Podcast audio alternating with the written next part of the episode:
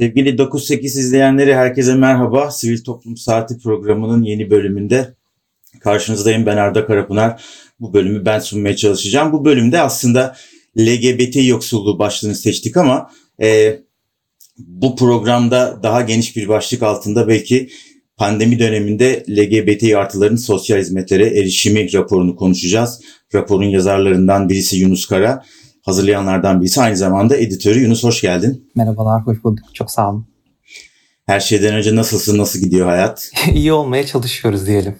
Sizler de iyisinizdir hem, umarım. Teşekkürler. Hem yoğun hem de tatlı bir depresiflik içinde olabildiğimiz dönemler belki. Biraz da aslında buna benzer, belki biraz daha fazla yoğunlukta bir döneme ilişkin bir rapor hazırlamışsınız. Ee, istersen diğer hazırlayanların isimlerini de geçelim. Hakları yenmemiş olsun ekip arkadaşlarını. Seninle birlikte Halim Kır, Yasemin Özgün, Evun okumuş hazırlamış bu raporu. E, editörü söylediğimiz gibi sensin. Ben bir de özel ek not olarak genelde üzerinde çok durmaz. E, gayet de güzel bir tasarım yapmış. Özgür Durmaz'a da selam yollamış olayım. E, senin raporla ilgili e, söyleyeceklerini en genel başlıklarda dinlemek istiyoruz. Sonra e, detaylar üzerine konuşmaya devam edelim. Tamamdır. Davet ettiğiniz için öncelikle tekrardan çok teşekkür ederim. E, bu aslında raporu hazırlamamızdaki en önemli neden hani bu pandemi sürecindeki e, hepimiz aynı gemideyiz söylemine bir eleştiri getirmek amacı, amacıyla oluşturulmuştu. Çünkü hepimiz aynı gemideyiz söylemi LGBT artıları içeren bir söylem değildi. Ya bunu biz pandemi öncesinde de fark ediyorduk. E, zaten LGBT artıların özellikle bizim toplumumuzda karşılaştığı maruz bırakıldıkları şiddet, ayrımcılık, önyargı çok fazlaydı. Ve bu bırakıldıkları ayrımcılık, e, şiddet durumları da tabii ki ister istemez birçok kamu hizmetine özel ya da kamu hiç fark etmez birçok sosyal hizmete erişim anlamında e, engellerle karşılaşmaları neden, neden oluyordu. Biz de dedik ki yani bu pandemi sürecinde bunu da bir e, aslında önemli bir veri olsun. LGBT Artı Derneği ve de özellikle kamu kurumlarına sunmak amacıyla taleplerimizi ve de bu e, erişmeme, sosyal hizmete erişememe durumunu e, böyle bir rapor hazırlamak istedik. E, aslında raporda çok güzel sonuçlar çıktı. Yani isteyenler zaten erişecektir. Biz de burada biraz konuşacağız, konuşacağızdır diye tahmin ediyorum. E, ama şunu özellikle söylemek istiyorum. Yani burada pandemi raporunda çıkan e, sonuçlar bize zaten farkında olduğumuz şeyleri gösterdi. Yani bunlar bu raporda çıkan sonuçlar önemli gördüğümüz durumlar pandemi öncesinde de vardı. Yani pandemi öncesinde azat edilmiş konular değildi bunlar. Biz sadece şey gördük. Pandemi sürecinde bu e, engellerin hizmetlere erişememe durumlarının ya da erişmeme durumlarının e, kat kat arttığını ve de daha da görünür hale geldiğini gördük diyebilirim. Yani ben de özellikle o vurguyu yapacaktım. Sen de hatırlattın altını tekrar çizmiş olalım. Yani elbette pandemi dönemine ilişkin şeyler bunlar. Fakat sadece pandemide oluşmuş durumlar gibi sorunlar gibi değiller.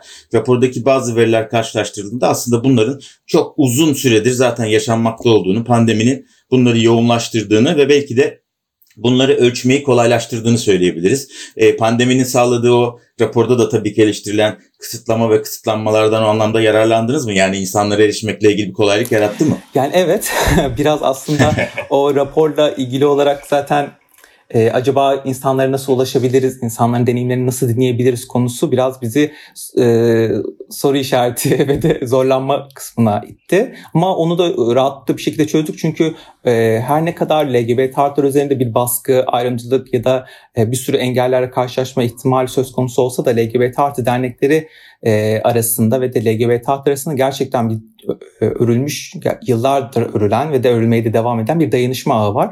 O kısıtlanmaları da biraz sınırlıkları da bu şekilde aşmaya çalıştık diyebilirim. E, aşk gayet de başarılı açtığınız görülüyor. Çünkü çok kısa bir sürede yaklaşık yaklaşık değil tam okuyacağım 856 e, insanla görüşmüşsünüz. E, bu e, epeyce geniş bir ölçeklem sayılabilir aslında. Öte yandan e, kapsayıcılık ve daha anlaşılır, net fikirler vermek açısından da 7 bölgeden katılımcılara ulaşmışsınız. Büyük çoğunluğunun onların tabii ki büyük merkez, büyük şehirlerde toparlandığını gördüm. Belki buna ilişkin daha geniş bir sosyal veri veya analiz varsa o da konuşulabilir ama e, geniş bir katılım. E, senin özellikle ön plana çıkarmak istediğin başlıklar neler? Çünkü e, her türlü sosyal hizmete erişememe durumu çok net ama mesela barınmayı sosyal yardıma ön plana çıkarmışsınız. Ben özellikle barınma konuşarak başlayalım istiyorum. Çünkü e, özellikle kapanma ve sokağa çıkma yasağı durumlarında en önemli ihtiyaç belki de. Evet, evet kesinlikle. Yani şeyden biraz bahsetmek istiyorum bu e, araştırmanın künyesinden. Çünkü o e, 7 bölge ve 7 büyük şehir seçmemizdeki amaç aslında o Türkiye örneklemini göstermek istedik. Yani hani e, bazı yapılan araştırmalar çok sınırlı sayıda LGBT artı dahil ettiği için hani e, ne kadar bu araştırma güvenilir e, sorusu ile karşılaşıyordunuz. Biz de tabii ki bu soruyu biraz elemine etmek için ve de gerçekten Türkiye'deki LGBT artların e, tümünün tabii ki değil e, ama büyük bir kısmının soruların görünür kılması açısından örneklemi çok geniş tutmaya çalıştık. Ve e, aslında baktığımda sadece orada 7 bölge 7 büyük şehir geçiyor ama biz özellikle kişilerden hizmet alıp almama durumlarına göre e, bulundukları ilçeleri de belirtmelerini istedik. E, aslında raporda ayrıntılı incelerlerse e, kişiler e, orada şeyi de görecekler yani hangi katılımcıların e, hangi işte başlık altında nereden hizmet alıp almadıklarını da görebilecekler. Hani e, kamu kurumlarına başvuruyorlar ama hizmet alıyorlar mı almıyorlar mı ya da neden başvurduklarında hizmet almadıklarını düşünüyorlar gibi. Ondan bahsetmek istedim.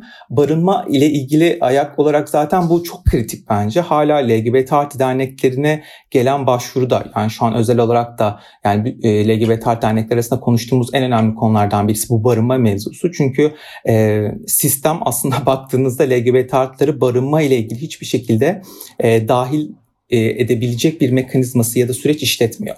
Yani e, LGBT artılar barınma ile ilgili başvurduğunda e, direkt zaten bir red söz konusu.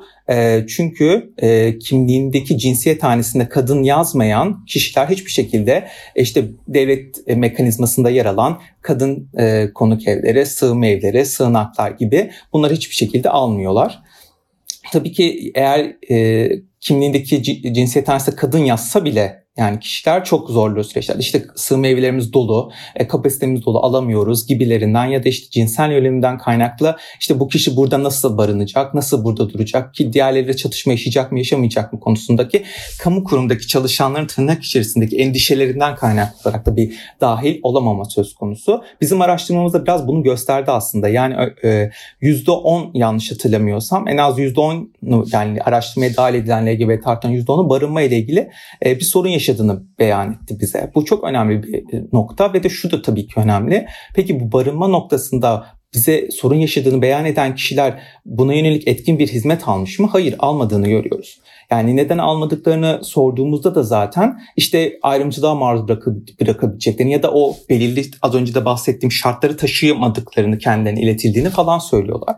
Bu çok kritik. Yani siz LGBT artıların şiddet ya da herhangi bir işte işini kaybetme e, ya da başka nedenlerle barınma ihtiyacı olduğunu size söyleyen bir LGBT artı diyorsunuz ki hayır ben sana e, barınma imkanı sağlamıyorum. Tırnak içerisinde ne yaparsan yap diyorsunuz. Aslında baktığında bu sonuçlar bize biraz bunu gösteriyor. Yani barınmayı konuşmaya devam edeceğiz. Ben e, başta söylediğimiz bir şeyi destekleyecek ve biraz da konuşmak istediğim bir şey soracağım. Bir sizin rapordan bir şey paylaşacağım. Katılımcıların iş durumuyla ilgili e, bir şey sormuşsunuz. E, ve aslında büyük çoğunluğunun yani hem eğitim seviyeleri yüksek olsa da belki sosyoekonomik gelir beklentisi yüksek olsa da aslında iş, iş gücüne katılamadıkları görülüyor. E, buna ilişkin söylemek istediğin şeyler var? Çünkü bence gerçekten e, sadece pandemi değil genel olarak e, duruma ilişkin fikir verebilecek bir veri bu. Çok doğru, çok kesinlikle. Şöyle ki e, yani aslında araştırmaya dahil edilen LGBT artıların e, eğitim durumları dediğiniz gibi böyle şey, şey yanlış hatırlamıyorsam 856 kişi arasından böyle 500 küsüre yakın üniversite ya da yüksek evet. okul mezunuydu. Aslında o bile bize çok kritik bir veri gösteriyor. Yani o kadar kişi arasından gördüğünüz üzere yani siz de yansıtıyorsunuz zaten 500, 544 kişinin hayır çalışmıyorum dediğini biz görüyoruz. Yani bu aslında öncesinde de yani LGBT artların iş yaşamına dahil edilmesindeki engellerin hala devam ettiğini ya da işte biz zaten bu raporu pandemi e, Türkiye'deki pandeminin başlangıcından 1-2 ay sonra gerçekleştirdik. Yani 17 Nisan'la 21 Mayıs arasında bir e, şey örneklemimizdeki verileri topladık. Aslında hemen bize şeyi de gösteriyor. Pandeminin hemen başlangıcından 1-2 ay sonra LGBT artların işsiz bırakıl malarına dair bir veri de aslında göstermesi çok mümkün. Ve bunu destekleyici, buna devam etme niyetinde olan bir soru soracağım. Çalışanların ise gelir düzeyleri çok düşük. Yani çok düşük gelirlerle çalışılıyor. Yani bu da aslında Türkiye'de LGBTİ artı varlığı ve kamunun e, ilişkisi, ilişkilerini kurma biçimi ya da toplumsal ilişkiler anlamında epeyce şey söyleyebilir Kesinlikle. diye düşünüyorum. Kesinlikle. Yani çünkü o hani bizde öncesinde her zaman konuştuğumuz yani LGBT artların her işte kayıtsız, güvencesiz, günlük işlerde çalışma itiliyordu zaten. Bu pandemi sürecinde ya tamamen ortadan kaldırıldı e, ya da bu hala kayıtsız güvencesizlik durumu devam etti. E, hakikaten çok kıymetli veriler bunlar. Yani bu konular konuşulurken uzun vadede çok iş görecek şeylerden bir e, veriler var burada. E, bir de sosyal yardımlara erişim konusu var. Şimdi ben anahtar bulgular kısmına tekrar bir yandan bakıp göz atıyorum. E, orada aslında zaten raporun genel karakterine ve sorunlara ilişkin bir dolu şey söylenmiş. İki başlıkta da dikkatimi çeken bir şey oldu. Araştırmaya dahil edilen LGBT artıların büyük bir çoğunluğu pandemi sürecinde X hizmetle ilgili bir bilgilerinin olmadığını söyledi. Aslında bu cümle neredeyse her e, bölüm için söylenebilir.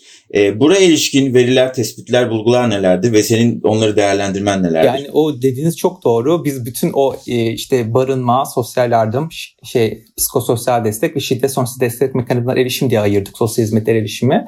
E, ve de hepsinde aslında baktığımızda LGBT artların büyük bir çoğunluğu şey diyordu. Yani böyle bir hizmet varsa ben bilmiyorum e, ya da bu hizmet bana yeterince duyurulmuyor yani kamu kuruluşu tarafından falan. Yani bilgilerin olmaması aslında şeyi de bize gösteriyor. Yani LGBT artların bu hizmetlere ne kadar dahil edilip edilmediğini de bize gösteren bir şey. Sosyal yardımlarla ilgili olarak zaten e, %33 yanlış hatırlamıyorsam yani 856 kişinin %33'ü sosyal yardımlara ihtiyaç duyduğunu belirtiyor. Bu çok ciddi bir oran aslında baktığınızda. E, ama şöyle bir durum var. Belki sosyal yardımlara başvuruyor kişiler. Peki bunlar hani e, ihtiyaç duyduğunu belirtip başvuran katılımcılara baktığımızda sayının e, düştüğünü görüyoruz ve de o e, başvurup e, geri bildirim ya da yardım alabilen kişilerin sayısı da neredeyse yok denilecek kadar az. yani sosyal yardım hattını arayan katılımcılar da zaten genellikle şeyi söylüyorlardı. Yani benim kişisel olarak verdiğim danışmanlıklar üzerinde konuşacak olursam bu raporla da bağlantılandırmak adına yani e, cinsel yönelim ya da cinsiyet kimliklerini e, beyan ettiklerinde, açıldıklarında direkt e, red aldıklarını söylüyorlardı. E, direkt hani böyle bir e, hizmet sizlere verilmiyor gibi e, bir e, böyle geri bildirimlerle karşılaştığını ben biliyorum danışanlarımın. Bu raporda aslında bize onu direkt gösteriyor yani. Yani aslında hem e, mevcut hizmetlerin olduğu varsayılan hizmetlerin son derece yetersiz ve çok net, çok yaygın ayrımcılıklarla e, insanlara sunulduğunu, e, sunulsa da o hizmetlerin son derece yetersiz olduğunu ve bazı insanların ayrımcılık endişesiyle bu hizmetlere başvurmayı, sorunlu hizmetlere başvurmayı bile düşünmediklerini gösteriyor. Buradan buna tekrar döneriz ama ben barınma ile ilgili bir şeyi tekrar sormak istiyorum. Çünkü o çok önemliydi. Bütün çerçeveyi e, çizmeye ve daha iyi anlamaya sağ, sağ, sağlayabilir. Evet barınma sorunu yaşamadığını düşünenlerin bir kısmı da ailelerinin yanlarına dönmüşler. Yani aslında belki de e, mecbur kaldıkları, mecburiyet duygusu içinde yaşadıkları bir yere dönmüşler. Bu da belki e, veri, verileri yani olabilecekten daha az veri almanıza vesile olmuş olabilir mi? Çünkü gerçekten hayat gerçekleşmiyor orada öyle, öyle bir durumda. Bununla ilgili ne söylemek istersin? Ya evet orası çok kritik bir e, şey. E, dönemeç diyeyim yani onu hatırlattığınız çok çok iyi oldu. Çünkü e, verdiğim danışmanlıklarla da karşılaştığım en önemli şeylerden birisi aslında sadece danışmanlıklar değil Türkiye'deki LGBT artları düşündüğümüzde şunu çok açık bir net söylemek çok mümkün yani. LGBT artlar aslında baktığımızda ailelerin yanında çok da harika durum durumda değiller. E, bunu hepsi açısından söyleyebilmek tabii ki mümkün değil ama birçoğu için en azından yani LGBT artılar ailelerin yanında birçok şiddete, e, farklı şiddet biçimlerine maruz bırakılıyorlar. E tabii ki bu pandemi süreci e, işi olan ve bu işini kaybeden e, herhangi bir yoksulluk içerisinde olan LGBT artıların ailelerinin yanına dönme mecbur bıraktı tırnak içerisinde. Tabii ki şöyle bir durum var yani hani bu LGBT artılar kendi özgürlüklerini kazanmışken ve de ailelerinden ayrılmışken belki de e, o fail olan aileden ayrılmışken tekrar o ailenin yanına dönmek e, çok kritik e, ve de çok e, aslında önemli bir süreç. E, tabii ki onu da göz önünde bulundurmak da gerekiyor. Yani belki ilerleyen zamanlarda bu o dönemde aileyle yaşama ya da tercih etmediği bir yerde yaşama durumuna ilişkin sosyal çalışmalar yapılabilir. Çünkü orada hakikaten bir dolu da insan hikayesi ve e, bir dolu anının şeyi var. E, canlılığı var. Onlar mutlaka değerlendirmeli. Biraz e, dilim damağım kuruyor o yüzden cümleleri kurmakta zorlanıyorum. Bir şey soracaktım. E, kendimi böldüm.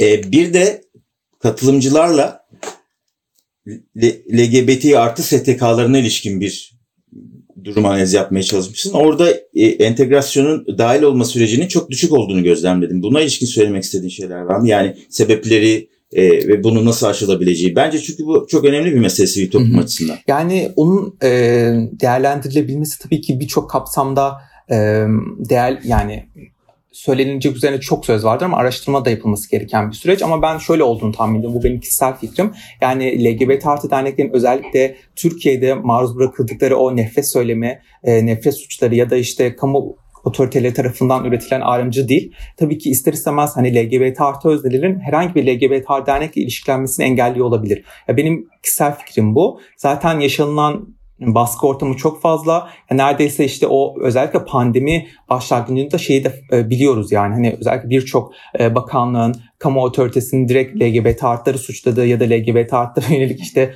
pandeminin e, suçlusu ilan edildiği tırnak içerisinde bir şeyden de geçtik, süreçten de geçtik. Belki onun akabininde yapılan bir araştırmada e, insanların böyle cevap vermeleri de çok olağan olmuş olabilir. Doğru, haklısın. Buradan şiddete geçelim istiyorum. O da raporun önemli bir bölümü. Hatta pandemi tartışmalarının önemli bir konu başlığıydı. O, bu da çeşitli sosyal araştırmalara konu olacak bir konu başlığı ilerleyen zamanlarda. Burada özellikle ön plana çıkarmak istediğin senin cımbızla çekmek istediğin şeyler var mı? Çünkü büyük çoğunluk şiddete maruz kaldığını e, düşünmüş ama bununla ilgili mekanizmaları kullanmakta yine çeşitli çekinceler var. Ya bence raporun en canlıcı e, noktalarından birisi bu başlıktı. Çünkü e, özellikle benim de çalıştığım alan biraz şiddet sonrası destek mekanizmaları erişimle ilgili. Aslında baktığınızda bu başlık barınma başlığı da çok çok ilgili. Çünkü zaten şiddete maruz bırakılan LGBT artının kendisi o şiddete maruz bırakıldığı alandan güvenli bir alana geçmeyi talep ediyor. Bu yüzden de barınma hizmetini e, tabii doğal olarak da talep etmiş de oluyor. Ama tabii ki şiddete maruz bırakılıyor ama barınma talebi de e, geri bildirim olarak kamu kurumları tarafından sağlanmadığı için o hizmette LGBT artılar yani şiddete maruz bırakılma tırnak içerisinde maalesef devam da ediliyor. Benim burada özellikle e, dikkat çekmek istediğim bu başlıkta LGBT artların e, o 856 katılımcının neredeyse %30 kadarı şiddete maruz bırakıldığını söylüyor. Bu çok önemli aslında baktığınızda pandemi süreciyle ilgili bize gösterdiği veri açısından. Bir de şöyle bir durum var. Yani LGBT artları biz şey de sormuştuk. Yani hangi şiddet e, türlerine maruz bırakıldığını yani fiziksel, ekonomik, psikolojik diye ve e, LGBT artlar sadece bir şiddet türüne değil, birçok şiddet türüne birden maruz bırakıldığını bize iletti. Bu çok önemli bir veri aslında. Yani LGBT artlar ha ben sadece işte psikolojik şiddete maruz bırakılım demiyor. Psikolojik şiddet, fiziksel şiddet ya da ekonomik şiddet bunların kombinasyonuna maruz bırakıldıklarını söylüyorlar. Bu çok önemli aslında. E, diğer bir nokta zaten bu e, verilerimizi karşılaştığımız e, LGBT artı danışma hattımızın verileriyle karşılaştırdık zaten biraz da. Bu bilgi notumuzda da zaten o var. Aile ve Sosyal Hizmetler Bakanlığı'na ilişkin bilgi notumuzda da. Yani LGBT artı danışma hattını bir dönem önceki yani geçen seneki verileriyle kıyaslandığımızda zaten şiddet şiddete maruz bırakılma ile ilgili danışmanlıklar aslında %50 bir artış gösterdi. Aslında bu da bize şeyi gösteriyor. Yani pandemi döneminde LGBT artının şiddete maruz bırakılma oranlarının e, ne kadar arttığını da gösteriyor. E, diğer bir nokta e, bu başlıkta cımbızla çekmem gereken bir şey olursa evet. şiddete maruz bırakılma ile ilgili olarak zaten herhangi bir kuruma başvuru yapıp yapmadıklarını sorduğumuzda var evet e, şiddete maruz bırakılma durumu ağır bir durum aslında. E, tabii ki diğer hizmetlerle bir karşılaştırma yapamayız yani ağırlık durumuna göre ama yani başvurduklarını söylüyorlar. E, yanlış hatırlamıyorsam 18 ya da 11 katılımcı olması lazım. Şu an yanlış bir şey söylemek istemiyorum ama e, başvurduğunu ve e, herhangi bir yanıt almadığını, destek almadığını söylüyorlar. Bu çok kritik bence çok önemli. Şöyle bir durum, şöyle bir tahayyül yapmamızı istiyorum.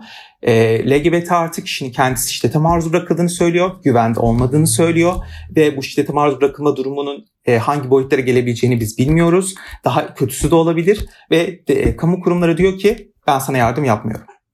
Ben sana herhangi bir geri bildirim vermiyorum diyor. Bu çok kritik, çok önemli. Diğer bir nokta LGBT artın e, deneyimleri noktasında bize şunları söylediler. Yani neden işte kamu kurumlarına başvurmuyorsunuz? Kamu kurumuna başvurduğunda neden işte yardım almayacağınız, hizmete e, erişmeyeceğinizi düşünüyorsun dediğimizde LGBT artıların çoğu yani bu şiddetle ilgili olarak şunu söylüyor. Cezasızlık hakim diyor. Ben e, kamu kurumlarına güvenmiyorum bu konuda diyor. Deliller gizleniyor diyor. Faillere inanılıyor diyor. Bu geri bildirimleri, deneyimleri birebir kendileri aktarıyorlar zaten. Bu, bu da bence bu başlıkla ilgili çok kritik. Yani e, bununla ilgili bir takım e, insanların ifadelerini de aktarmışsınız ama tekrarlamak ve pekiştirmek açısından hakikaten pek çok farklı şiddet türü olduğunu ve aslında e, çoğunun da birlikte görülebildiğini, tek başına değil hatta belki bir olay üzerinde birkaç kere tekrar ederek görülebildiğini gösteren ve onları destekleyen veriler var. Buradan belki terapi kısmına geçebiliriz. Yani sen aslında sonraki şeylerden bahsettin süreçlerden ama belki orada daha çok hukuki şeyler var. Bu şiddet sonrası durumların yönetilebilmesi için kuşkusuz insanlar zaten pandemi dönemindeler ve buna ek bir psikolojik ihtiyaçları var. Buradaki sorunlar nedir? Burada mekanizma nasıl çalışmış diye soracağım ama nasıl çalışmamış diye sormak daha doğru olur herhalde. Ya evet biz de aslında raporda biraz onu gördük. Yani özellikle bu pandemi sürecinin de getirdiği e, önemli bir sanırım o zorlanma hali, psikolojik zorlanma hali vardı LGBT artılarda. Çünkü rapora e, e, raporda işte dahil edilen LGBT artılar şeyi söylüyorlar yani çoğu aslında e, yanlış hatırlamıyorsam 400'e yakın LGBT artı psikososyal desteğe ihtiyacı olduğunu söylüyor, belirtiyor. E, tabii ki bu, nok- bu bize önemli veri sunuyor. Çünkü LGBT artıların gerçekten özellikle pandemi öncesinde de hali hazırda o azınlık sitesi dediğimiz durum hala devam ediyor. O pandemi sürecinde işte kamu otoritelerinin ya da ailelerinin kendilerine uygulamış olduğu baskı ya da işte sosyopolitik düzlemdeki herhangi bir baskılanma hali hala devam ediyor. Onu görüyoruz. E, tabii ki burada şeyde e, hani şeyleri kamu kurumlarına erişimle ilgili sorduğumuzda genellikle LGBT artılar şeyden hizmet al- alabildiğini söylüyor. Yani e, bu Covid ile ilgili olarak sadece hani Sağlık Bakanlığı'na yapılan başvurularda hizmet alınabildiğini söylüyorlar. E, ama diğer nokta işte cinsiyet kimliği ya da cinsel yönelimle ilgili olarak e, yaşadıkları stres ya da ayrımcılıkla ilgili olarak bakanlıklardan yine hizmet alınamadığını biz görüyoruz. Burada önemli olarak e, söyleyebileceğim şeylerden birisi de aslında bakarsanız psikososyal destek konusunda e, en büyük yükü aslında sivil toplum kuruluşlarının biz altını görüyoruz. Çünkü LGBT artıları şeyi sorduk yani destek alabiliyor musunuz? Destek alabildiğiniz kuruluşlar nelerdir dediğimizde bize hep sivil toplum kuruluşlarını saydılar. Yani neredeyse işte o e, ihtiyacı olan ve destek aldığını söyleyen katılımcıların 100 yanlış hatırlamıyorsam 150 kadarı e, sivil toplum kuruluşlarından sadece bu psikososyal desteği alabildiğini yani terapi hizmetini ya da danışmanlık hizmetini alabildiğini söylüyor. Yani biz şu, şu bu bize şeyi gösteriyor aslında. Sivil toplum kuruluşları sadece psikososyal desteği üzerine almış, kamu kurumları sadece bunu bırakmış. Yani kamu kurumları buna yönelik herhangi bir hizmet vermiyor. Yani onu belki sadece LGBT artı alanı için değil pek çok HIV gibi farklı alanlarda da söylemek mümkün. Aslında galiba e, devlet örgütü orada daha doğrusu şöyle başlayayım. Sivil toplum kuruluşları bu sorumluluğu üzerlerine almak zorunda kalmışlar. Kamu aygıtı da bunu görüp belki sorumlulukları yavaş yavaş bırakmanın iyi olacağını düşünmüş. Fakat bu da şöyle bir dengesizlik yaratıyor. Ee, hizmet alan insanlar sivil toplum kuruluşlarının belki sadece tanı ya da işte böyle travma sonrası, travma dönemlerinde başvurabilecekleri yerler olarak yani hizmet sunan yerler olarak görüp e, uzakta kalıp o savunuculuk mekanizmalarında çok içinde olmayarak belki onların yeteri kadar kuvvetli olmamasına sağla, sağlıyorlardır dolaylı olarak diye her zaman düşünüyorum bunu. Sizin raporda bu algılarımı tekrar bu, bu konuya bakışımı biraz düşünmemi sağladığı için aslında onun üzerine biraz gevezelik yapmak istedim. Ben birkaç tane yorum okumak istiyorum. Özellikle ben bu şiddet sonrası şey destek... paylaşabilir miyim? Çok özür dilerim. Lütfen, tabii ki, e, tabii şöyle, ki lütfen estağfurullah. Şunu da paylaşmak istiyorum. Şimdi raporda şöyle bir e, danışanların geri bildirimleri vardı bu psikososyal destek konusunda. Yani sivil toplum kuruluşları çok cüzi miktarlarda. Çünkü bu terapi hizmeti aslında baktığınızda e, hani belli bir e, maddi e, karşılığı olan bir şey maalesef. E, çünkü hani psikiyatrlar ya da psikologlar bu şekilde çalışıyor. Ama yine de dernekler aracılığıyla e, bu kişilere ulaşan e, LGBT artılara çok cüzi miktarlarda bir terapi ücreti ver, vermesi gerektiğini falan söyleyebiliyoruz. E, tabii ki LGBT artılar bunu da söylemiş. Yani ücretsiz hizmetlerin olmadığını söylemiş. Şu anlamda önemli bu. Çünkü kamu kurumları bu hizmetleri ücretsiz verebiliyor. Ama e, LGBT kamu kurumları bu hizmetleri vermediğinde LGBT artılar e, bu ücretleri verme noktasında zorlanabiliyorlar ama yine de sivil toplum kuruluşlarını tercih etmek zorunda kalıyorlar. Oradaki ikilem de aslında baktığınızda çok kritik. Bundan da bahsetmek istedim. Evet ve çok önemli bir hatırlatma gerçekten. Bu arada gerçekten ben gevezelik yaparsam burada mesele raporu konuşmak. Sen, sen raporla ilgili bir takım verileri paylaşmaya devam et. Yani burada tespit edilen sorun meselenin gerçekten çok farklı katmanları olduğunu. Yani orada o belki cüzi diye bizim kolayca tabir edebildiğimiz o danışmanlık ücretinin bile ne kadar büyük bir bütçe olabildiğini e, ve bu, bu insanların büyük çoğunun çalışmadığını isteseler de çalışamadıklarını, çalışanların da zaten çok az para kazandığını şöyle bir geniş daire halinde anlattığımızda gerçekten e, hayata katılımla ilgili bırakalım şiddeti, psikolojik problemleri, ekonomik katılımla ilgili bile çok ciddi problemler olduğunu yani temel meselenin görün, görünürlük hatta yok sayılmaya doğru net biçimde gittiğini doğrulayabiliriz. E, böyle raporlarda hep bu küçük alıntılar şey olur. Hani e, gerçek insan duyguları açısından onları hissetmek açısından çok yarar, yararlı olur. Birkaç tanesini okumak istiyorum ben. Şiddet sonrası destek mekanizmalarına erişimde. Bu gerçekten kamu aygıtına ne kadar güvenilmediğini hatta sosyal tüm aygıtlara ne kadar güvenilmediğini de gösteriyor. Mesela e, bir katılımcı ailem senelerdir bunu yapıyor ve kimse beni dinlemiyor demiş. Bu tartışılması gereken çok başka bir konu. Buna ilişkin başka destekleyici veri var mı raporda mesela? Yani Özellikle çok var aslında. Yani, hani, yani raporun tamamı yani bu en başından itibaren hep böyle yani hani raporun hep bize şeyi gösteriyor. İlk başlarda konuşmuştuk ya biraz hani o pandemi süreci eve dönüşü e, zorunlu kılan bir süreç olduğu için aslında e, hani e, yani işte o fail olan belki ailenin yanına dönme mecburiyeti aslında çok kritik. E, LGBT artıların çoğu da zaten ondan bahsediyor. Yani aileme inanırlar. Zaten ailem şiddet faili. Ailemden korkuyorum. Ailem delilleri gizleyebilir. E, polis ailemle işbirliği yapıp beni dışlayabilir gibi çok fazla söylem ve deneyim aktarımı vardı orada. Tabii ki oranın keşke e, şeyi de yapabilsek ilerleyen süreçlerde biraz amacımızı o biraz daha derine inip e, yani o e, görüşmeleri derinlemesini yapmayı da tabii ki çok isteriz. Çünkü oradan da gerçekten çok önemli verilerin ve de hayat hikayelerinin çıkacağını düşünüyoruz. Yani sormak istediğim soruyu e, öngörüp cevabı veren harika bir konuk olarak altını çizmek istiyorum. Çünkü sormak istediğim şey şu tabii bu raporu konuşmaya devam ediyoruz ama e, hakikaten buradan böyle yine içeriden seçilip üzerine özellikle çalışabilecek belki gerçekten canlı insan hikayelerinin olduğu ve verilerle desteklenen birbirlerini destekleyen daha kapsamlı çalışmalara ihtiyaç var. Buna niyetin var mı? Bu çalışma dönemi seni yordu mu diye soracaktım. Ama gel tekrar sormak isterim. Çünkü motivasyon problemi her hepimizi etkileyebiliyor bir yandan. Hayatın çeşitli problemleri. E, sen bu çalışmayı yaparken e, neler hissettin? Kendini iyi bir şey üretirken yani o, o canlılık nasıl yansıdı? Bir de bunun sonrasında ilişkin şeyler sormak istiyorum. Genelde yapılır ve kalır çünkü biliyorsun. Yani zaten şeyden e, gelen bir e, merak var. Bu sosyal hizmet uzmanlığından gelen işte e, kişilerin hani danışmanlık alıp almama noktasında bir de akademide de bulunuyorum. Oradan gelen böyle bir merak konusu da var tabii ki. Bu araştırma yaparken çok büyük motivasyonla başlamam ve aynen öyle devam etmem ve öyle sonlandırmama neden oldu. Verilerin aslında tabii ki bu deneyimleri gördükçe ister istemez açık konuşmam gerekirse biraz motivasyonunuz düşüyor düşüyor. Yani e, insanların LGBT artlarının karşılaştığı durumların bu bu denli bu kadar olması tabii ki sizi üzüyor ama bir yandan da e, o e, nasıl diyeyim sizde biraz aktivizmi, hak savunuculuğu yapma noktanızda da teşvik de ediyor.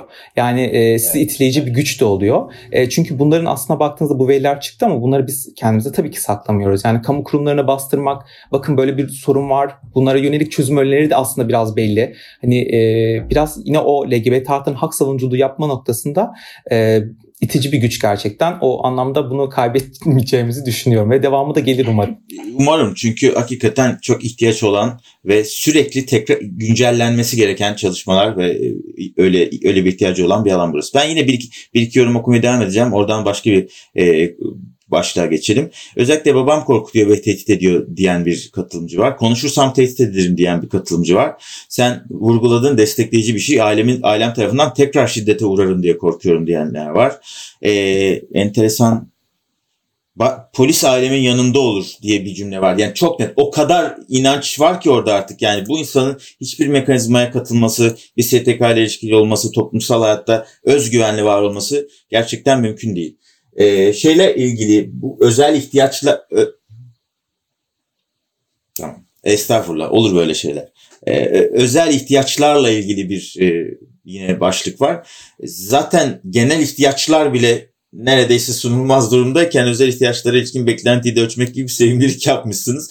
Buna ilişkin söylemek istediğim bir şey var mı? Yani belki özel ihtiyaçları bir tekrar tanımlayabiliriz. Pandemi sürecinde değişenleri hatırlatabiliriz. Yani e, bu aslında baktığımızda e, şeyle ilgili bir hatırlatma yap- yapmak istiyorum. O katılımcıların deneyimleriyle ilgili olarak. Çünkü orada şeyi de çok fazla söylüyordulardı katılımcılar. Kamu kurumlarında transfobinin çok fazla yaygın olduğu ve de özellikle bu şiddet mekanizmalarıyla ilişkili olarak yani şiddete uğradı kişi kamu kurumuna başvurmak istiyor. Başvuramama nedeni falan orada transfobinin çok fazla yaygın olduğu söyleniyordu. O, onu da hatırlatmak istedim. Bu e, diğer bir nokta hizmetlere erişimle ilgili mesela tutumlarına da baktığımızda aslında katılımcıların o çok kritik bize şey gösteriyor. O çok genel tablo. Bütün tab şeyin pandemi sürecindeki LGBT artlara yönelik e, var olan tutumun e, bize şeyini de gösteriyor. Çünkü LGBT artlar şeyi çok net bir şekilde söylüyorlar yani. Hani bu en basitinden yani bir, herhangi bir hizmet var bu hizmetin sunumu ya da duyurulması noktasında bile e, nasıl diyeyim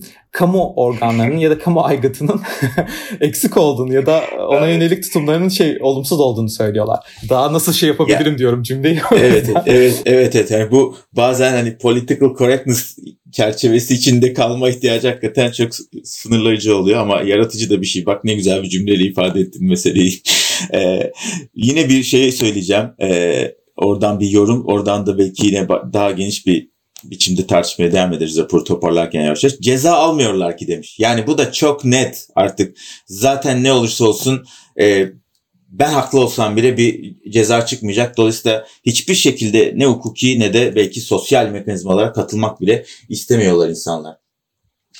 E, bir de şunun altını çizmek istiyorum. E, yani aslında şey söyledik arada böyle latife ettik. Sanki bazı kısımları cımbızla seçeriz diğerleri aşağıda kalırmış. Aslında hakikaten raporun her konu başlığı ve oradaki çok e, önemli veriler, çok gerçek ve geniş bir ölçeklemden gelen veriler hepsi tek tek cımbızlanabilir ve her bir ayrı çalışma başlığı olabilir. Ama e, LGBT artıların büyük bir çoğunluğu hizmetler ve sosyal yardımlarla ilgili herhangi bir sorunla yani soruna başvurmak ya da sonrasında yanıt alamamak gibi durumlarda başvurulacak yerler olmadığını düşünüyorlar. Yani şimdi olanlar var, olanları bilenler var. Evet or- oradaki hizmet duyurularının yetersiz olduğunu düşünenler var bir de böyle şeyler hiç yoktur diyenler var. Buna ilişkin tespitlerin ya da yorumların var mı? Yani tamamen bu, bu sıfır bilginin sebebi nedir? Nasıl oluyor bu? Yani iki türlü ben onu okuyorum aslında o veriyi. Bir, bir tanesi gerçekten hani e, herhangi bir hizmetin olmaması. Yani şöyle hizmetin olmaması. Yani LGBT artın e, ana temel olarak e, model olarak e, onlara yönelik herhangi bir ana temel model sunulmamasından kaynaklı. Yani hani bu spesifik olarak LGBT artıları e, sunulan bir hizmettir denmemesi. Zaten öyle bir hizmetin olmamasından kaynaklı olarak bu bilgi eksikliğini yorumluyorum. Diğeri e, zaten e, sunuşta bir sıkıntı var zaten. Yani bu sunuş derken şunu kastediyorum. Tabii ki bir hizmet olabilir. Yani biz sosyal hizmet uzmanlığı olarak zaten bunları çok iyi araştırmak durumundayız aslında. Yani nerede ne şekilde hizmet sunuluyor. Bütün dezavantajlı gruplar için, kırılgan gruplar için bunu söylüyorum. E, bunda bir sıkıntı var. Yani bir hizmet varsa, bu model varsa bunun sunumunda çok fazla sıkıntı var. Duyurusunda, ondan sonra bunu e, dezavantajlı gruplara bunların iletilmesinde yani bir orada nasıl diyeyim e, yani şeyle hizmetlerle ya da devletle vatandaşlar arasında bir iletişim sıkıntısı var. E, bunu böyle tarif edebilmek çok mümkün aslında. Evet, evet güzel. Yani iletişim sıkıntısı hatta belki bir taraf diğeriyle konuşmak istemediği için zaten imkansız bir iletişim var ama öbür tarafta bir elbette iletişimi zorlamak en azından temel ihtiyaçlar üzerinden e, e, iletişimi zorlamak var. Şimdi e, zaman da yavaş yavaş doluyor. E, ben yarım saatte aslında epeyce konuştuğumuzu, önemli noktaların altını dilimizin döndüğünce ve sürçmediğimiz müddetçe konuşabildiğimizi düşünüyorum. Buradan istersen öneriler ve talepler kısmına geçelim. Çünkü burası gerçekten toplumsal hayatta değişikliği talep eden, bunun için yöntem öneren ve belki bunun politikasını, savunuculuğunu yani hayata geçmesi için gerekli işlemleri yapmayı öngören bir yer var. Şimdi burada hakikaten sahne senin. Yani raporu hazırlayan ve editörlüğünü yapan kişi olarak e, politik önerilerinde bulunman gerekiyor normal olarak. Yani ve ben de hakikaten bunları dinlemek istiyorum. Yazmışsınız evet ama e, hakikaten muhatabından, öznesinden dinlemek e, daha doğru olur. Herkes yararlanır diye düşünüyorum. Yani evet ben e, gerçekten bizi eğer dinleyen kişi, kişiler varsa bu raporun o çözüm önerileri kısmını, talepler kısmını ayrıntılı e, okumalarını tavsiye ediyorum. Çünkü gerçekten e, bunlar birebir hem rapor bağlamında hem de aslında LGBT Harita Hareketi'nin e, bir talebi aslında yani talepleri noktasında önemli bize şeyler söylüyor. Benim aslında özet bir şekilde söyleyebileceğim şeylerden birisi bu özellikle hani diyoruz ya işte bu hizmetler alıp alınamama noktası bu hizmetlerin sunumu noktasında e, şunu kesinlikle söyleyebilmemiz çok mümkün. Yani bakanlık ve onlara bağlı kuruluşların bünyesinde toplumsal cinsiyet eşitliği temel politikaların geliştirilmesi gerekiyor kesinlikle. Yani toplumsal cinsiyet eşitliği kavramı bile artık hani bakanlıklar ve e, özellikle hükümet düzleminde kabul edilmiyor. E, ismi biraz değiştirilmeye çalışıyor ya da tamamen kaldırılıyor ancak e, bunun gerçekten yapılması gerekiyor. Sadece bu işte politikalar geliştirilmesi noktasında ben özellikle buna özel birim ve komisyonların kurulması gerektiğini de düşünüyorum. Çünkü bu spesifik olarak bunlara çalışılması gerektiğini düşünüyorum. Ee, özellikle bakanlık ve bağlı kuruluşlar. Çünkü hizmetlerin sunumu e, kamu kurumları ayağında bakanlıklar ve onlara bağlı kuruluşlar tarafından gerçekleştiriliyor. En önemli verilerden birisi benim önemsediğim e, raporda da şiddete maruz bırakılan LGBT artılar için. E, biz her zaman söylüyoruz bu taleplerimizi de her zaman yenileyeceğiz olana kadar. Olduktan sonra da tabii ki bu talepleri yenilemeye bırakmayacağız. E, LGBT artılar için özellikle şiddete maruz bırakılan sığınaklar, konuk evleri, barınma imkanları hayata geçirilmeli kesinlikle. Bu barınma aslında e, hakkına erişime yönelik gerekli yasal düzenlemeler de yapılmalı. E, uygulamada az önce de bahsettiğim şeyler var. Yani bu sıkıntılar var, engeller var. Hani işte sadece kimliğindeki cinsiyet hanesindeki kadın yazan kişinin alınması gibi aslında e, sığınma evi dediğimiz şey e, bütün herkesi kapsayan bir şeydir. E, ama engeller e, şey uygulamada karşımıza çıkıyor. Bunların tamamen ortadan kaldırılması gerekiyor kesinlikle. Diğer bir nokta şeyi çok fazla görüyoruz. İşte bu Ali 180'in sosyal destek hattı mekanizmasını. Yani bu Ali 180'in sosyal destek hattı aslında tüm bu hizmetlere erişim noktasında kapı aralayan, kapı açan bir e, mekanizma. Ancak bu e, hat e, LGBT artıları hiçbir şekilde kapsamıyor. E, Birçok şekilde ben de bu hatta arıyorum danışanlarım olduğunda ya da danışanlarımın aramasını söylüyorum. Ancak hiçbir şekilde cinsiyet kimliği ya da cinsel yönelim konusunda etkin hizmet yürütülmüyor. E, ve de bana çok kez şahit oldum bu hizmetler e, konusunda. Yani hani biz e, işte e, LGBT artılara yönelik e, LGBT artılar dendiğini hiç duymadım da orada da bir kavramsal e, karışma e, var zaten. Yani e, onlara yönelik hizmet modelleri sunulmuyor. E, gibi böyle çok fazla söylenme karşıladım. O yüzden Ali 180 sosyal destek hattı, sosyal destek hattı diyorsak ve tüm Türkiye'yi kapsıyorsa, tüm dezavantajlı grupları kapsıyorsa tabii ki bu hattında cinsel yönelim cinsiyet kimliği noktasında geliştirilmesi gerekiyor. E, etkin çalışması sağlanması gerekiyor. Diğer bir nokta işte bu sos, yoksulluk diyoruz, e, sosyal yardım diyoruz. E tabii ki e, bakanlığa bağlı e, sosyal hizmet merkezleri ve sosyal yardımlaşma dayanışma vakıfları var. Bunlar sosyal yardım ve de aynı ve nakdi yardım veren kuruluşlar aslında baktığımızda onları belirleyen kuruluşlar. Tabii ki bunların da özellikle LGBT artıları kapsaması, LGBT artıların eşit hizmetlere ulaşmasını sağlaması gerekiyor. E, diğer bir nokta e, işsizlikten bahsettik biraz. Kayıtsızlıktan, güvencesizlikten bahsettik LGBT artların. Bunlar yönelik de LGBT artların kayıtlı ve güvenceli alanlarda istihdama katılımlarına yönelik programlar geliştirilmesi gerekiyor. E, bu da çok önemli, çok kritik bence. E, tabii ki şey de var aslında hani bize şey bu araştırma raporunda çok sık neredeyse her başlık altında konuştuğumuz ve de bize söylenen şeylerden birisi işte o kamu kurumuna ben gittiğimde olumsuz tutumlarla işte cinsel yönelimde cinsiyet kimliğim nedeniyle ayrımcılığa maruz bırakılabileceğini düşündüğünü çok fazla söyleyen katılımcı vardı. E bu kapsamda tabii ki bakanlık ve bu hizmetleri, sosyal hizmetleri sunan bütün kuruluşlarda aslında tüm personelin bu kapsamda işte yani nasıl diyeyim cinsel yönelimde cinsiyet kimliği kapsamında e, hizmet içi eğitimler alması gerekiyor. E buna yönelik işte gerçekten buna yönelik bir süreç işletmek isteyen meslek personeli ya da meslek elemanları vardır diye tahmin ediyorum. Ancak onlar da şeyden e, habersiz olabiliyorlar. Yani LGBT artlarla karşılaştıklarında nasıl tepkiler verileceğini, nasıl müdahale yürütülebileceğini noktasında eksiklikleri de var diye tahmin ediyorum. O yüzden de e, hizmet içi eğitimler bu anlamda çok önemli. E, tabii ki diğer bir nokta e, bu bilgi notumuzda da yer alan aslında bütçe yapım süreçlerine sivil toplum kuruluşlarının dahil edilmesi. Tabii ki az önce bu, aslında bu rapor bir sivil toplum kuruluşunun oluşturmuş olduğu bir rapor aslında baktığımızda. O yüzden sivil toplumun elindeki deneyim bence çok kuvvetli, çok kıymetli. E, onu paylaşmak, paylaşmaya açık olmak ve bu biraz bu süreçleri karşılıklı e, olarak ilerletmek, devam ettirmek bence çok kıymetli e, LGBT hakları ve kadınlar başta olmak üzere tüm dezavantaj gruplarının ihtiyacına cevap verebilen politikaların planlanması için de bu e, ilişkilerin her zaman devam etmesi gerektiğini düşünüyorum. Yani evet aslında söylenecek çok şey var. Benim anlattıkların içinde daha kuramsal noktaya ilişkin, daha kuramsal yaklaşma, yaklaşımda bir şey söylemek istiyorum. Üzerine de konuşalım istiyorum. Şimdi bir komisyon önerisi var. Bu pek çok raporda görüyoruz. Yani buna ilişkin komisyonların kurulması falan değil. Öte yandan da e, Türkiye belki sadece bölgesi değil dünyada en çok komisyon kuran ülkelerden bir tanesi olabilir. Buna ilişkin çok bir şey verip yeri yok elimde ama ortalama bir tahminle böyle söylenebilir. Şimdi buradan hakikaten sivil toplum kuruluşlarının rolü yapabilecekleri yapamadıkları noktasına gelmek istiyorum çünkü. Ama önce bir tarif verelim ya da e, idealimizi paylaşalım. Yani biz burada senin adına konuşuyor gibi olacağım ama herhalde e, yanlış söylersem düzeltirsin. Yani bu komisyonlar kurulsun derken senin az önce tarif ettiğin gibi sivil toplum kuruluşlarının ve sivil aktörlerin bu komisyonların kuruluş süreçlerinde, çalışma süreçlerinde parçası olması gibi de beklentimiz var. Doğru mu? Evet, evet kesinlikle. Yani e, dolayısıyla e, orada aslında sadece uygulamaya değil politika değişikliklerine gerçek bir muhatap olarak algılanmaya ve kabul görmeye, saygı görmeye ilişkin daha başka e, çıkarımlar da var, talepler de var. E, şimdi toparlayalım yavaş yavaş süremiz de dolmak üzere. Bugün SPOD'un e, pandemi sürecinde sosyal hizmetlere erişim ya da erişememe başlıklı raporunu konuştuk. Dilimizin döndüğünce aslında başta da söylemiştim. Bu, bu yayınlar kapsamında LGBT yoksulluğu kavramında konuşmak istiyoruz. Geçtiğimiz hafta yanlış hatırlamıyorsam Kaos'un e, bu başlıkta bir raporu çıktı. E, yoğunlukları dönem e, sebebiyle bugün bu yayında olamadılar ama bir yandan bence de iyi oldu. Çünkü bu önemli raporu tek başına konuşup olabildiğince geniş biçimde paylaşmaya çalıştık. E, haftaya Kaos'un LGBT yoksulluğu e, raporunu konuşmaya çalışacağız. Bir de kişisel not e, bu dönem hakikaten çok yoğun. Zaten o yoğunluktan ötürü de biraz programa ara verdik. İşte ekran böyle. Zaten profesyonel sunucular değiliz.